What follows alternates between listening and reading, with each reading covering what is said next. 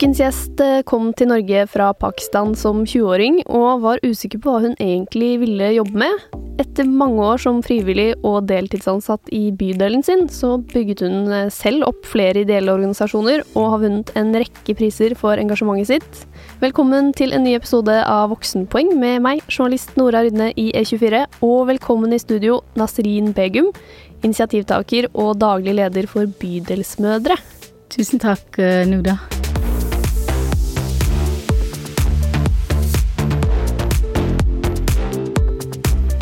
Vi begynner med de fire kjappe voksenpoengene. Er du klar? Ja.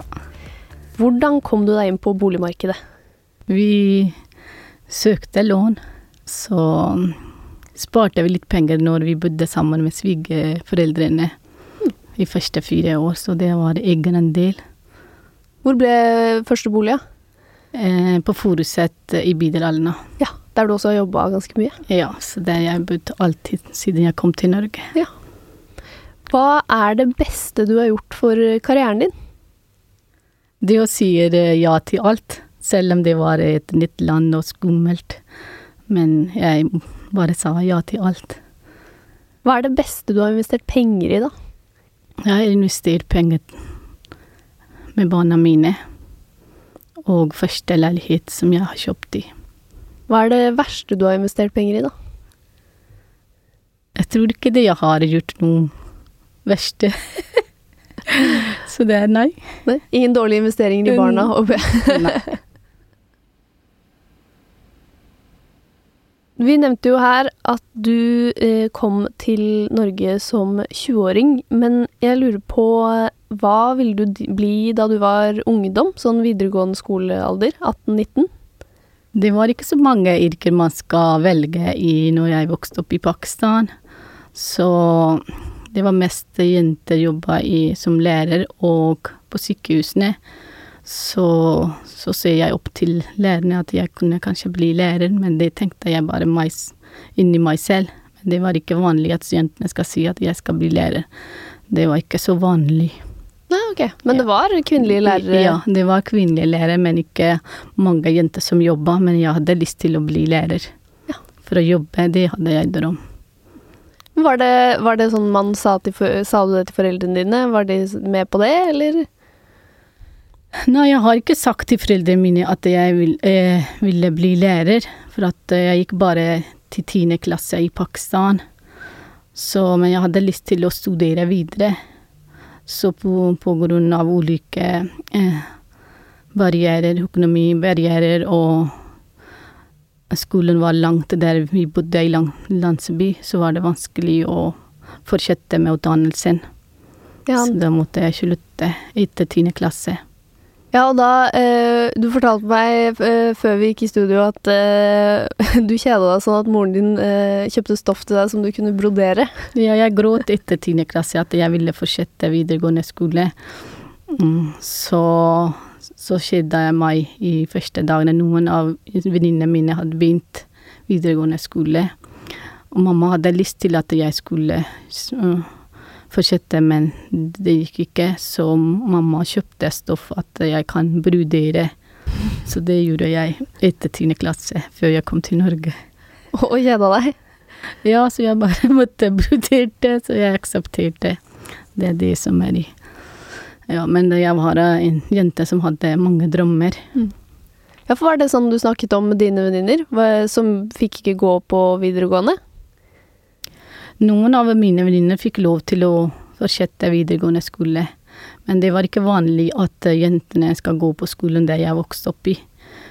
Jeg også måtte slutte etter femte klasse, og så slutta jeg etter åttende klasse. I to måneder så begynte jeg igjen. Mm. Men kan du huske hva du tenkte da du ikke fikk gå på videregående?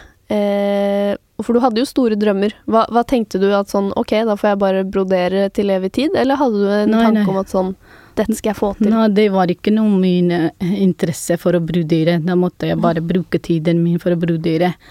Det var en jente som kanskje hadde lyst til å gjøre noe stort. Og så kom jeg til Norge. Ja, for hva, hva tenkte du da du eh, kom eh, til Norge? Altså, du giftet deg jo eh, med en eh, pakistansk mann som bodde i Norge. Jeg giftet meg med min fetter som uh, kom til Norge for uh, når han var ti år. Og uh, når jeg kom til Norge, så tenkte jeg at kanskje jeg skal gjøre noe her. At, men når jeg kom til Norge, så var jeg på et sted som var ukjent. Språkbarrierer, kulturbarrierer og et nytt Jeg giftet meg i en annen familie, selv om de var mine slektninger, men alle har egen bomiljø hjemme så var det veldig utfordringene. Og så Så jeg var litt eh, lei meg i begynnelsen at eh, jeg tenkte veldig mye, og jeg gikk flere runder med meg selv, at alle jenter som gifter seg, kanskje de har samme liv som jeg har. For at jeg fikk eh, først, fire, første fire barn i fire år, mm. så hadde jeg ingen Det var ingen drømmer at jeg skulle gjøre noe med karrieren min, eller skal jeg gjøre noe mer. Uh, så gikk jeg på norskkurs, men det var ikke at, at jeg skal jobbe Jeg skal bruke den norsken til å jobbe, eller noe annet. Jeg var isolert, du kan si, eller ja, så så bare, jeg bare aksepterte sånn er det med alle jenter. Som når de gifter seg, kanskje det er alle, alle er i like situasjon som jeg er i. Ja, så du begynte på en måte å tenke at sånn Å ja, ok, da skal jeg ikke bli lærer eller ta noe utdannelse, da skal jeg Nå er dette livet mitt? Ja, det er det jeg aksepterte. Kanskje jeg får ikke noen andre muligheter. Nå er det alt er stoppet. Uh, så Men når jeg fikk fire barn, så da var det Jeg tenkte at nå er jeg mor og med fire barn. Da må jeg være sterk og gå ut i samfunnet der jeg bor i, og lære for at hvordan den samfunnet fungerer, for at jeg skal hjelpe mine barn, at de som vokser, vokser opp i Norge, og jeg som har vokst opp i en annen miljø, for at jeg skal være til stede når de stiller spørsmål om angående om skolen eller om fritidsaktiviteter og andre ting. Da må jeg svare. Mm. Så begynte jeg å være frivillig ja. i lokalt. Ok, ja, hvordan, hvordan startet, eh, startet, det? Eh, jeg bare Først jeg begynte ved Åpen barnehageskole, så var jeg med alle arrangementer lokalt. Jeg tok med alle barna mine der for at, uh, å være med og dele brus, eller Og det så jeg at det ga mm, Det jeg gjorde, at det ga barna mine stoltheten. Mm. At de, de, de tingene ga meg også selvtillit tilbake, at Nesrin, du kan bidra i samfunnet, du har noe som du kan gjøre forskjell. Eh, jeg liker å være sammen med mennesker, jeg liker å bli kjent med folk med mange nasjonaliteter.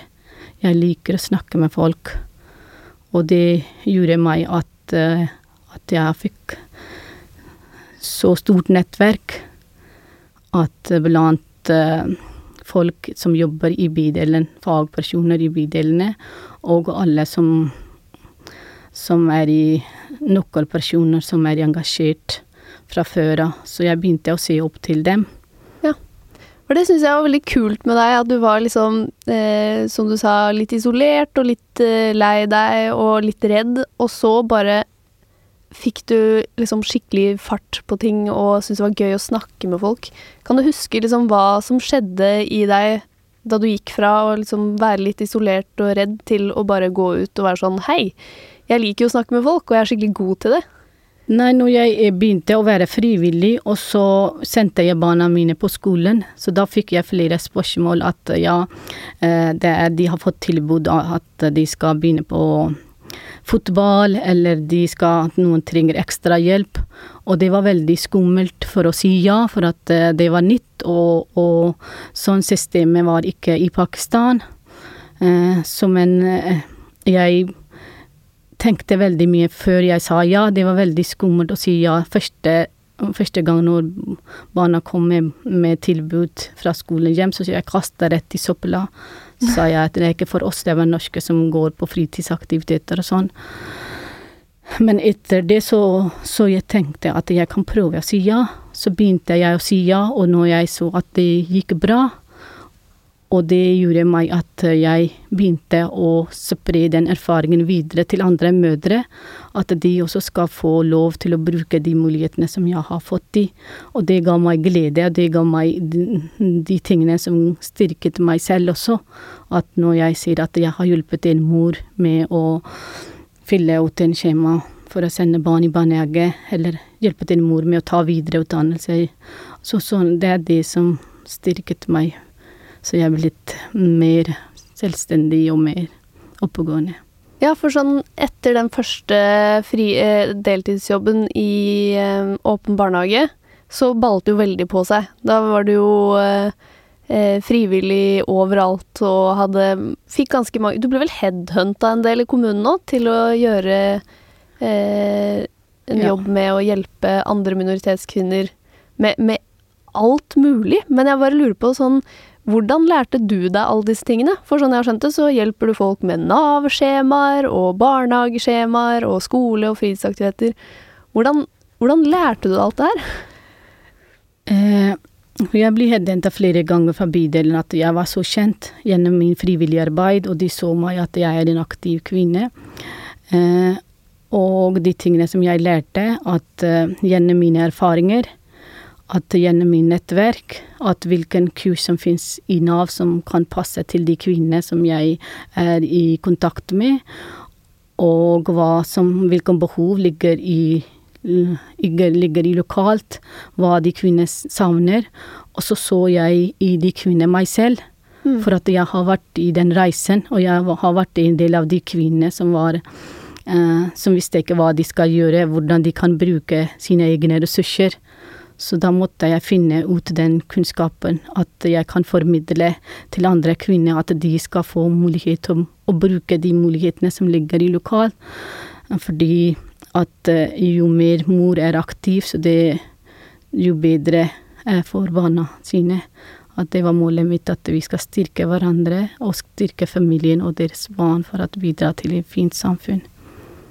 Kan du liksom huske en spesielt sånn øyeblikk der du på en måte oppdaget det talentet du har da, for, å få, for å formidle og skape kontakt med andre og liksom se deg selv i andre?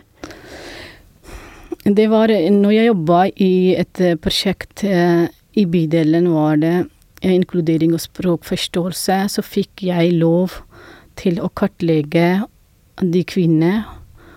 Og når jeg jobba i gratis kjernetid, og så fikk jeg inn ferdig laget skjema fra fra bydelen at her kan du skrive eh, at eh, hva, hva du snakka med en kvinne. Egentlig jeg skulle først, eh, når jeg jobba i, i inkluderingsspråkforståelse, og der var det jeg Når de kvinnene var ferdig på kurset, så fikk jeg lov at jeg skal hjelpe de veien videre. Så da snakka jeg med kvinner, hva har dere egentlig lyst til å gjøre videre? Så noen hadde lyst til å gå på Nav sine kurs, andre hadde lyst til å ta videreutdannelse. Så da måtte jeg tok med de til ulike stedene. Men når jeg fikk lov til å, å bidra henta meg fra det kurset til å jobbe med eh, gratis kjernetid, og så det var at jeg skulle rekruttere barn til barnehagene, men jeg fikk lov til å jobbe på min egen måte. Mm. Og så da jeg kartlagt hele familien først, for at jeg så at at uh, jeg så meg selv av de kvinnene at en, hvor mange barrierer en mor har før hun skal gå ut og delta i samfunnet, eller, uh, eller skal begynne å jobbe, hvor mye hun skal tenke. For at uh, vi som er med annen bakgrunn, har ikke Eller har, vi har en annen likestilling hjemme. For at de vi har ikke fordelt oppgaver lik linje som dere gjør, og da måtte mor ha enda større ansvar som vanlig norsk familie har. Uh, hun har ansvar for sine barn i barnehage, skolen, og følge med på skolen, og uh, mange økonomiansvar, mange andre ting også. Og så så jeg at alle mødre hadde lyst til å jobbe, alle hadde lyst til å ta videreutdannelse. Alle hadde lyst til å sende barn i barnehage, men de hadde holdt barn hjemme, for da, de hadde ikke, ingenting annet å gjøre, for at de tenkte at ja, og de forsto ikke at viktigheten for å sende barn i barnehage, men kanskje de hadde forstått, men de sa at ja, men jeg er hjemme, så kanskje hvorfor jeg skal bruke penger til å sende en andre skal passe på. Mm. Jeg kan ha, ha de hjemme.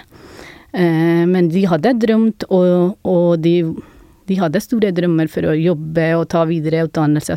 Og når jeg så at ja, de Jeg også var en, da, en del av de kvinnene, så da måtte jeg hjelpe de alle barrierene de hadde, hele familien. Noen barn som kanskje har behov for å gå på fritidsaktiviteter, andre hadde en som har lyst til å gå vid eh, på barnehage, og mor har lyst til å ta videreutdannelse. Men da henta jeg informasjon Jeg hadde alltid informasjon om alle tjenestene og alle tilbudene i veska mi. Jeg gikk rundt og oppsøkte de kvinnene der kvinnene var. Eh, men etter hvert så jeg ble så kjent, og kvinnene ringte meg døgnet rundt. At på kveldene og helgene og alt. Men jeg var så glad for at den æren som jeg har fått for å bidra de erfaringene, den kunnskapen jeg har fått, for at eh, jeg kan gi til noen andre, og så skal få like mulighetene som jeg har fått de. Men hvordan har du løst det selv, da? For jeg, jeg skjønner jo at du jobber helt eh, sinnssykt mye, og det har du jo gjort veldig lenge. Men så har du jo også eh, seks barn. Ja. Og eh, som du sier, en annen fordeling hjemme. Hvordan har du løst det? Og hvordan bruker du det til å hjelpe andre? Ja, jeg fortalte de mødre når de var usikre på hvordan du Nesrin organiserer dagen din hjemme, så sa jeg at første gang når jeg fikk jobb i fire timer i uka, så fikk jeg ikke sove hele natta for at jeg skal gå og være ute fire timer. Hvordan skal jeg planlegge? Men nå jeg jobber i alle dagene, så det er bare planlegge dagen sin at, uh, at jeg skal stå opp den og den klokka, så skal jeg gjøre Bare planlegge alt det man har på dagtid. Og så snakka jeg litt med mannen min at kanskje du kunne ta ansvar for å gå på møter og sånn når det er foreldremøter, og så kan han kanskje handle mat og sånn som jeg pleier å gjøre. Så begynte jeg å delegere litt oppgaver sammen med han. Ja, så det handler litt om det òg når du hjelper ja. andre, at de må faktisk eh, bli bedre til å delegere hjemme? Ja. ja. Og det er jo eh, Det skal vi jo snakke litt mer om, og det er jo litt del av dette andre prosjektet som kommer. Men eh, først så tenker jeg jo at vi skal snakke litt om Bydelsmødre, som jo er ditt prosjekt. Det er jo svært. Det har blitt veldig svært, i hvert fall. Men uh, du gikk jo fra å jobbe liksom med masse forskjellige ting her og der, til å starte opp noe helt selv. Hvordan var det å liksom gå i gang med et stort prosjekt eh, som du måtte liksom opprette som selskap og søke penger og alt sånn? Jeg jobba 20 år frivillig før jeg starta Bydelsmødre. Og de erfaringene også har vært viktige for å starte opp. Eh, det å være frivillig og ta imot midler var en stor forskjell. Og første gang når jeg fikk midler fra Ekstrastiftelsen, så fikk jeg ikke sove de første tre månedene til Bydelsmødre. For at den sier nå har du tatt imot midler, og du har fått økonomiansvar, nå må du stå på. Så jeg måtte jobbe hele tiden for at jeg skal skape resultater. Det var litt annerledes enn å være frivillig og, og ansette seg selv i en organisasjon og være alene og ta alene ansvar for økonomien. Og så skal man levere noe tilbake der jeg har mottatt de midlene at jeg har brukt midler på riktig møte, og jeg har gjort riktig det jeg har lovet. Mm. Ja, for Bydelsmødre er jo da eh, formet etter en dansk modell? Eh, Bydelsmødre ble startet i Tyskland, og så kom den til Danmark. Og eh, når jeg jo, øh, jobba 20 år, så noen som sa at Nesrin, du kan starte Bydelsmødre. Og vi har hentet inspirasjon fra Danmark og tilpassa til Norges behov. At det er basert på mine 20 års erfaringer som jeg jobba selv med kvinner og barn. Mm. Ja, for det var bydelen som oppfordra deg til å gjøre det? Ja, det bydelen sa at Nesrin, din måte å jobbe med på Det er et konsept som finnes i Danmark. Hvis du vil, du kan starte opp det. Mm. Så da tok jeg med noen lokale mødre fra nettverket mitt, og noen fra Stolte jenter, gikk, og en representant fra bydelen, så gikk vi på dagtur. Så fikk vi lov til å, å hente inspirasjon fra Danmark til Norge. Bare for å nevne det, Stolte jenter, det er jo det første du starta opp. Et fritidstilbud for mm. jenter. Som datteren din har tatt over nå. Ja. Er du stolt? Jeg er kjempestolt at eh, det er mange jenter som eh, gjør Har ingenting å gjøre etter fritids... eh, Etter skoletid. Så de får lov til å trene ulike idretter. Og så føler seg litt inkludert sammen med andre jenter. Og Bydelsmødre, hva, kan ikke du fortelle litt om det prosjektet? Hvordan er det det funker? Jeg starta Bydelsfedre, også nå. Ja, ja, for det var jo det jeg tenkte på. Jo, det er jo det neste prosjektet ditt. Og det er jo litt kult òg at eh, det er fedrene selv, sånn jeg har skjønt, som har mast på deg om at vi vil også ha et tilbud her. Bydelsfedre, og så når jeg holdt prestasjon om bydelsmødre, så sa, sier pappa at er vi glemt, alle tilbudene er bare for mødre, men hvor skal vi da? Så da begynte jeg å tenke Jeg hadde lyst til i begynnelsen også å starte noen for fedre, for hele familien, men da må jeg ha tenkt en ting om gangen.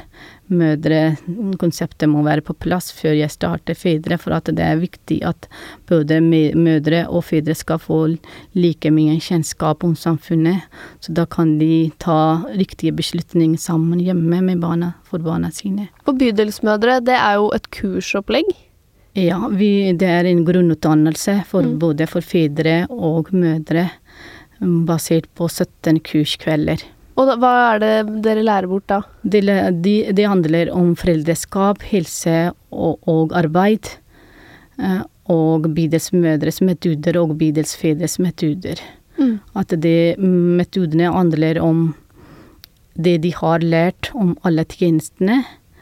At hvordan de kan bruke når de går ut i samfunnet og, og snakke med andre fedre og mødre i de som føler seg utenforskap, eller de som er nye i Norge, eller de som har vært i Norge, men eh, fikk ikke mulighet til å bruke sine egne ressurser.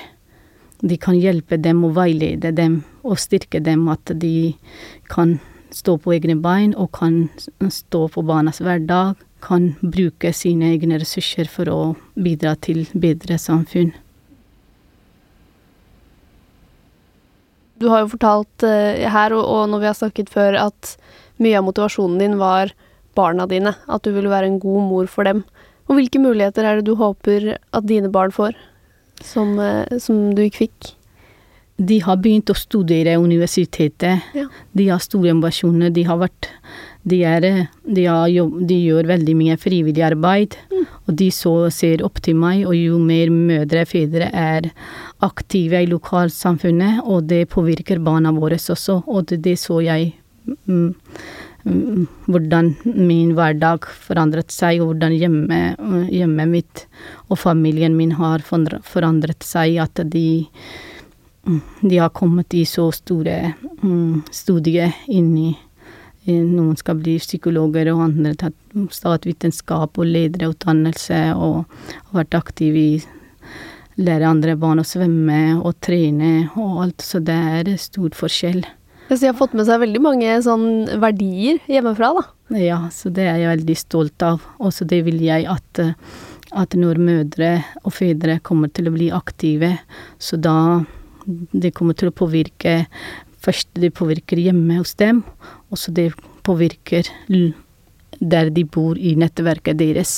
Mm. At når de kommer til å hjelpe andre i sin nettverk, og når de står på stand i lokalt eh, på arrangementer og sånn, og da viser de fram at, eh, at vi Da er de forbilder for andre. Og alle folk her sitter med ulike ressurser. Å være frivillig og bruke sine egne ressurser, det er en styrke seg selv. At da kan man være seg selv, og ingen bestemmer at du skal gjøre ting på, på det de vil, men da kan man gjøre ting på sin egen måte. Og så ser man resultater selv. Og når man ser resultater, så da det er en stor effekt for en personlig effekt.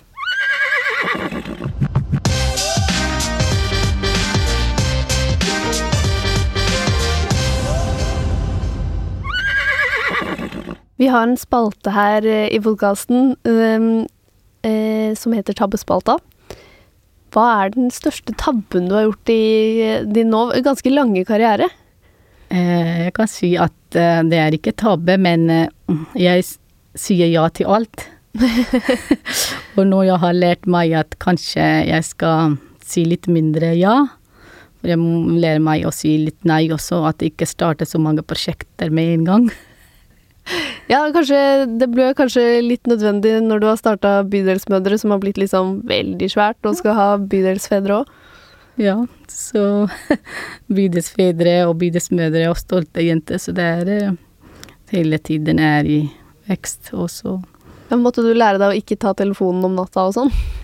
Ja, nå er det mange som kollegaer som jobber sammen med meg, som kan Men jeg står forbi disse mødre. De ringer meg klokken elleve også, så jeg tar imot telefonen med glede. For at de gir meg energien. At, ja, det var en voldsom arbeidskapasitet? Ja, det er det. Det er det, men jeg er glad for å gjøre denne jobben, så det gjør meg ikke sliten. For at det er jeg. Det er en del av livet mitt. For det er noen som kom fra fra hjertet mitt. Det kom ut fra mine erfaringer, så det, plan, det blir ikke planlagt at jeg skal starte noe, så jeg måtte bare starte. Men jeg lurer på, så du noen gang for deg at du skulle bli sjef? For, så, for nå er du jo sjefen til ganske mange, og det er du som leder dette prosjektet. Hva, øh, kunne du forestilt deg det? Nei, jeg, øh, jeg har øh, åtte søsken, og så jeg har hatt uh, økonomiansvar som jeg når jeg var uh, ung, hos mamma. Og når jeg kom til Norge, så tok jeg bare lederrolle hjemme også. At øh, Å spare Ta ansvar for økonomi og kjøpe leiligheter og alt mulig. Så jeg tenkte ikke på den måten at jeg kommer til å bli en stort leder.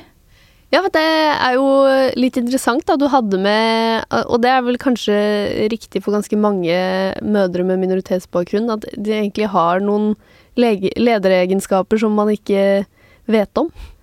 Ja, så det er det som jeg sa, at folk har ressurser, men da må man skape noen arena, arena for at folk skal få lov til å bruke de ressursene, for å oppdage hvem jeg er, og hvordan jeg kan bruke. Ja, at det kan ja. brukes utenfor huset. Ja, at det ja. ikke er verdiløst at du har vært eh, administrerende direktør hjemme. ja. ja, ja. Men hvordan føles det, da? Å liksom gå fra frivillig og så bli headhunta masse til å være eh, Ha ansvar for mange ansatte. Altså hvordan, hvordan er du som sjef? Jeg er en uh, lyttende sjef. Jeg lytter veldig mye av mine ansatte. Og uh, Altså, jeg verdsetter for deres uh, erfaringer og deres forslag som de gir meg for at hvordan vi kan styrke organisasjonen. Så jeg, som jeg sa tidligere også, og jeg sier ja til alt. mm. Så det er sånn jeg er. Jeg må lære litt at litt mindre ja. Men føler du at du på en måte hadde det i deg, eller var det noe du måtte lære etter hvert som du fikk eh, ansvar for flere ansatte? Måtte du på en måte finne ut litt hvordan er man sjef, eller kom det bare naturlig? Nei, jeg har vært meg selv. Mm. At uh, som person. Men nå har jeg drevet fem år Bidesmødre i Norge, så nå tenkte jeg at kanskje jeg skal gå på lederkurs. Ja. ja, men Føler du at det er noe du mangler, eller er det bare sånn ja, har vært gøy? Jeg syns at uh, det var gøy for at jeg er en person som har lyst til å lære noe nytt hele tiden. Mm. Og så det vil jeg gjerne å fortsette med. Og selv om jeg har, har vært meg selv, men det er greit å få en litt faglig påfyll også. Har du noen tanker om hvordan man kan få flere som kommer fra andre land i arbeid? For du sa jo at eh, de fleste vil jo jobbe, og så blir det noen barrierer, og noen har jo til og med ganske høy utdannelse som de ikke får brukt og ikke helt vet hva de skal gjøre med. Det å delta i frivillige organisasjoner så man bygger nettverk, og siden vi starta Bydelsmødre, så det er mange, noen bydelsmødre har allerede 100 eh, jobb når de begynner, men noen kanskje har mistet uh, jobben selv om de har vokst opp i Norge og blitt opptatt i barna sine. Eh, og andre som kom til Norge i en eller annen grunn har kommet ikke i arbeid, men når de blitt bidelsmødre, begynte å hjelpe andre mødre, og da det styrker de kvinner selv også, selv om de har Formålet deres er å styrke andre kvinner, men de styrker seg selv, og det gjør at de kommer ut i arbeid. Det er flere kvinner eh, I i Bidestowner så var det åtte til ni kvinner som har kommet ut i arbeid når, de, når de blir bidesmødre, og noen har begynt i videreutdannelse. Og de ringte meg, og så sier de at Nasrina, jeg er bioingeniør, og jeg har vokst opp i Norge, men når jeg blir ferdig utdanna, så og så fikk jeg barn, så var jeg opptatt med barna mine. Når jeg kom tilbake i jobbmarkedet, så var det vanskelig å søke jobb. Og, og når jeg deltok i, i bidesmor grunnutdannelse, Altså det styrket meg at nå jeg har fått fast jobb, og så sa hun at jeg takker til deg, Nesrin, på grunn av deg jeg har en jobb, og så det er flere andre som, som har startet med meg, de også har fått jobb i ulike steder. Så det er en grunn at man må bare ta initiativ og være aktiv og bygge nettverk og delta i frivillige organisasjoner som Bidesmødre, Bidesfedre, og det er mange andre flinke folk også driver med eh, veldig eh, fornuftige ting lokal, for lokalsamfunnet og til andre folk som kommer inn i Norge. Mm. Og det er en dør for å Det, det åpner dører for, for å komme ut i arbeid. Man blir fort isolert når man har ikke jobb, og det å delta på sånne ting, og det, det, det, er veldig motiverende for dem. Mm. Og ser vel også ganske bra ut på CV-en, da. At ja. man skiller seg litt ut, og at man på en måte da kan vise mer frem at man er Altså hvem man er. Ja, ja, det, det absolutt. Jeg har vært eh, referanse for de kvinnene. For at når man du deltar frivillig, så da har du noen som kan stille seg så for referanse. Så jeg har vært referanse for de kvinnene, så de, når de fikk jobb. Og det året å kom, skrive på CV-en at jeg har vært aktiv her og der eh, som frivillig, så det gjør at det åpner muligheter for å få seg jobb. Hva tenker du blir det viktigste for bydelsfedre, da, når dere starter opp det? Hva, hva tenker du at uh, dere kan gjøre bedre der? Jeg syns at uh, det er uh, våre ungdommer som er i ser opp til pappaene sine, og når mødre er aktive Men hvis det er pappaene er ikke aktive, så det gjør at uh, våre ungdommer kommer til å gjøre bedre i samfunnet. Når pappaene kommer til å være frivillig aktiv i lokalsamfunnet, og de kan hjelpe andre fedre kanskje er mm, Folder seg utenforskap, folder seg ikke viktig hjemme. Gi dem styrke, også at uh, du er viktig for barna dine. Du har noen ting som du kan bidra i, og det gjør en stor forskjell i familiens liv. Og det er målet vårt for at å styrke familier, og styrke lokalsamfunnet, og styrke de fedre som folder seg utenforskap de har ressurser, de kan bidra i det norske samfunnet. Ja, for blir, tenker dere at det blir lettere for kvinner òg, eh, hvis man får engasjert mennene? Absolutt. Når mødre og fedre får like mye kunnskap, eh, da kan de diskutere ting og ta riktige beslutninger for barna sine. Fordi da, da, da, da står de likestilt. Men hvis mor har lært noe om barneoppdragelse. Pappa har ikke lært. Og så da er det, det er en konflikt hjemme også, at da, da kommer det med de ulike forslag. Så det er fint at begge får like mye kjennskap.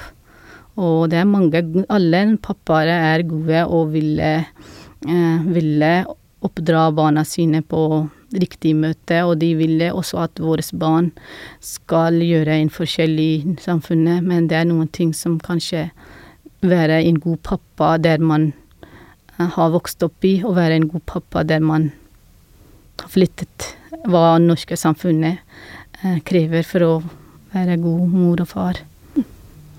Som sjef, da, hva, hva er det ultimate liksom, drømmen at bydelsmødre og bydelsfedre skal bli en gang i fremtiden? Det er drømmen for at den skal spre seg i hele Norge. Både bydelsfedre og bydelsmødre og stolte, stolte jenter. Og bydelsmødre allerede, vi har 141 bydelsmødre. 131 i Oslo og 11 bydelsmødre i Kvam kommune med 35-40 ulike landsbakgrunn, og de kan mer enn 40 språk. Og vi har eh, seks bydeler i Oslo, seks foreninger. Det er eh, Alna, Grorud, Stovner, Ostensjø og Bjerke. Så har vi startet Kvam, Levanger, Grong og Drammen i år. Nordre Follo skal også starte i år. Fredrikstad og eh, Kristiansand kommune også maste meg i går på telefonen at de er klare til å starte opp. Så sa jeg nei, vi har ikke nok bemanning i sentral, de må vente litt. Så, så det, er, det, er, det, begynner å bli mest stressa i også. Det gjør meg veldig, gir meg veldig glede. For at når jeg besøkte bydelsmødre i, i Levanger, så det en mor kom til meg, og så sa hun at Nesrin, jeg vet ikke hvordan jeg kan oppdra barna mine i Norge. Og det er behov. Det er behov i alle kommuner og alle bydeler. At, eh, så det er nå jeg har kopiert flere Nesrin i alle hele Norge. ja, er det det du ser etter når du ansetter folk? Her er det, her er det en, ny, en kopi av Nasrin? Nei, det er de frivillige bydelsmødre, så syns jeg at det er en kopi av meg. Ja de som jobber lokalt og gjør en forskjell. Det er jo lovende, det. Ja. Hvis det er flere av deg. Ja. Vi har et siste fast spørsmål, Nasrin. Hvis du kunne reist tilbake i tid og gitt 20 år gamle deg selv et råd, hva ville det vært? Ja, jeg kunne hadde sagt til meg selv at uh, din stemme er viktig, og uh, dine erfaringer også kan gjøre en forskjell. Tusen takk eh, for at du kom og var gjest i Voksenpoeng, Nasrin. Altså leder og grunnlegger av Bydelsmødre, og snart Bydelsfedre. Produsent i dag, det var Sunniva Glessing. Og hvis du vil lese skoledagboka til Nasrin, eller få masse annet festlig innhold, så må du gå og følge oss på Instagram. Der heter vi Voksenpoeng med Nora.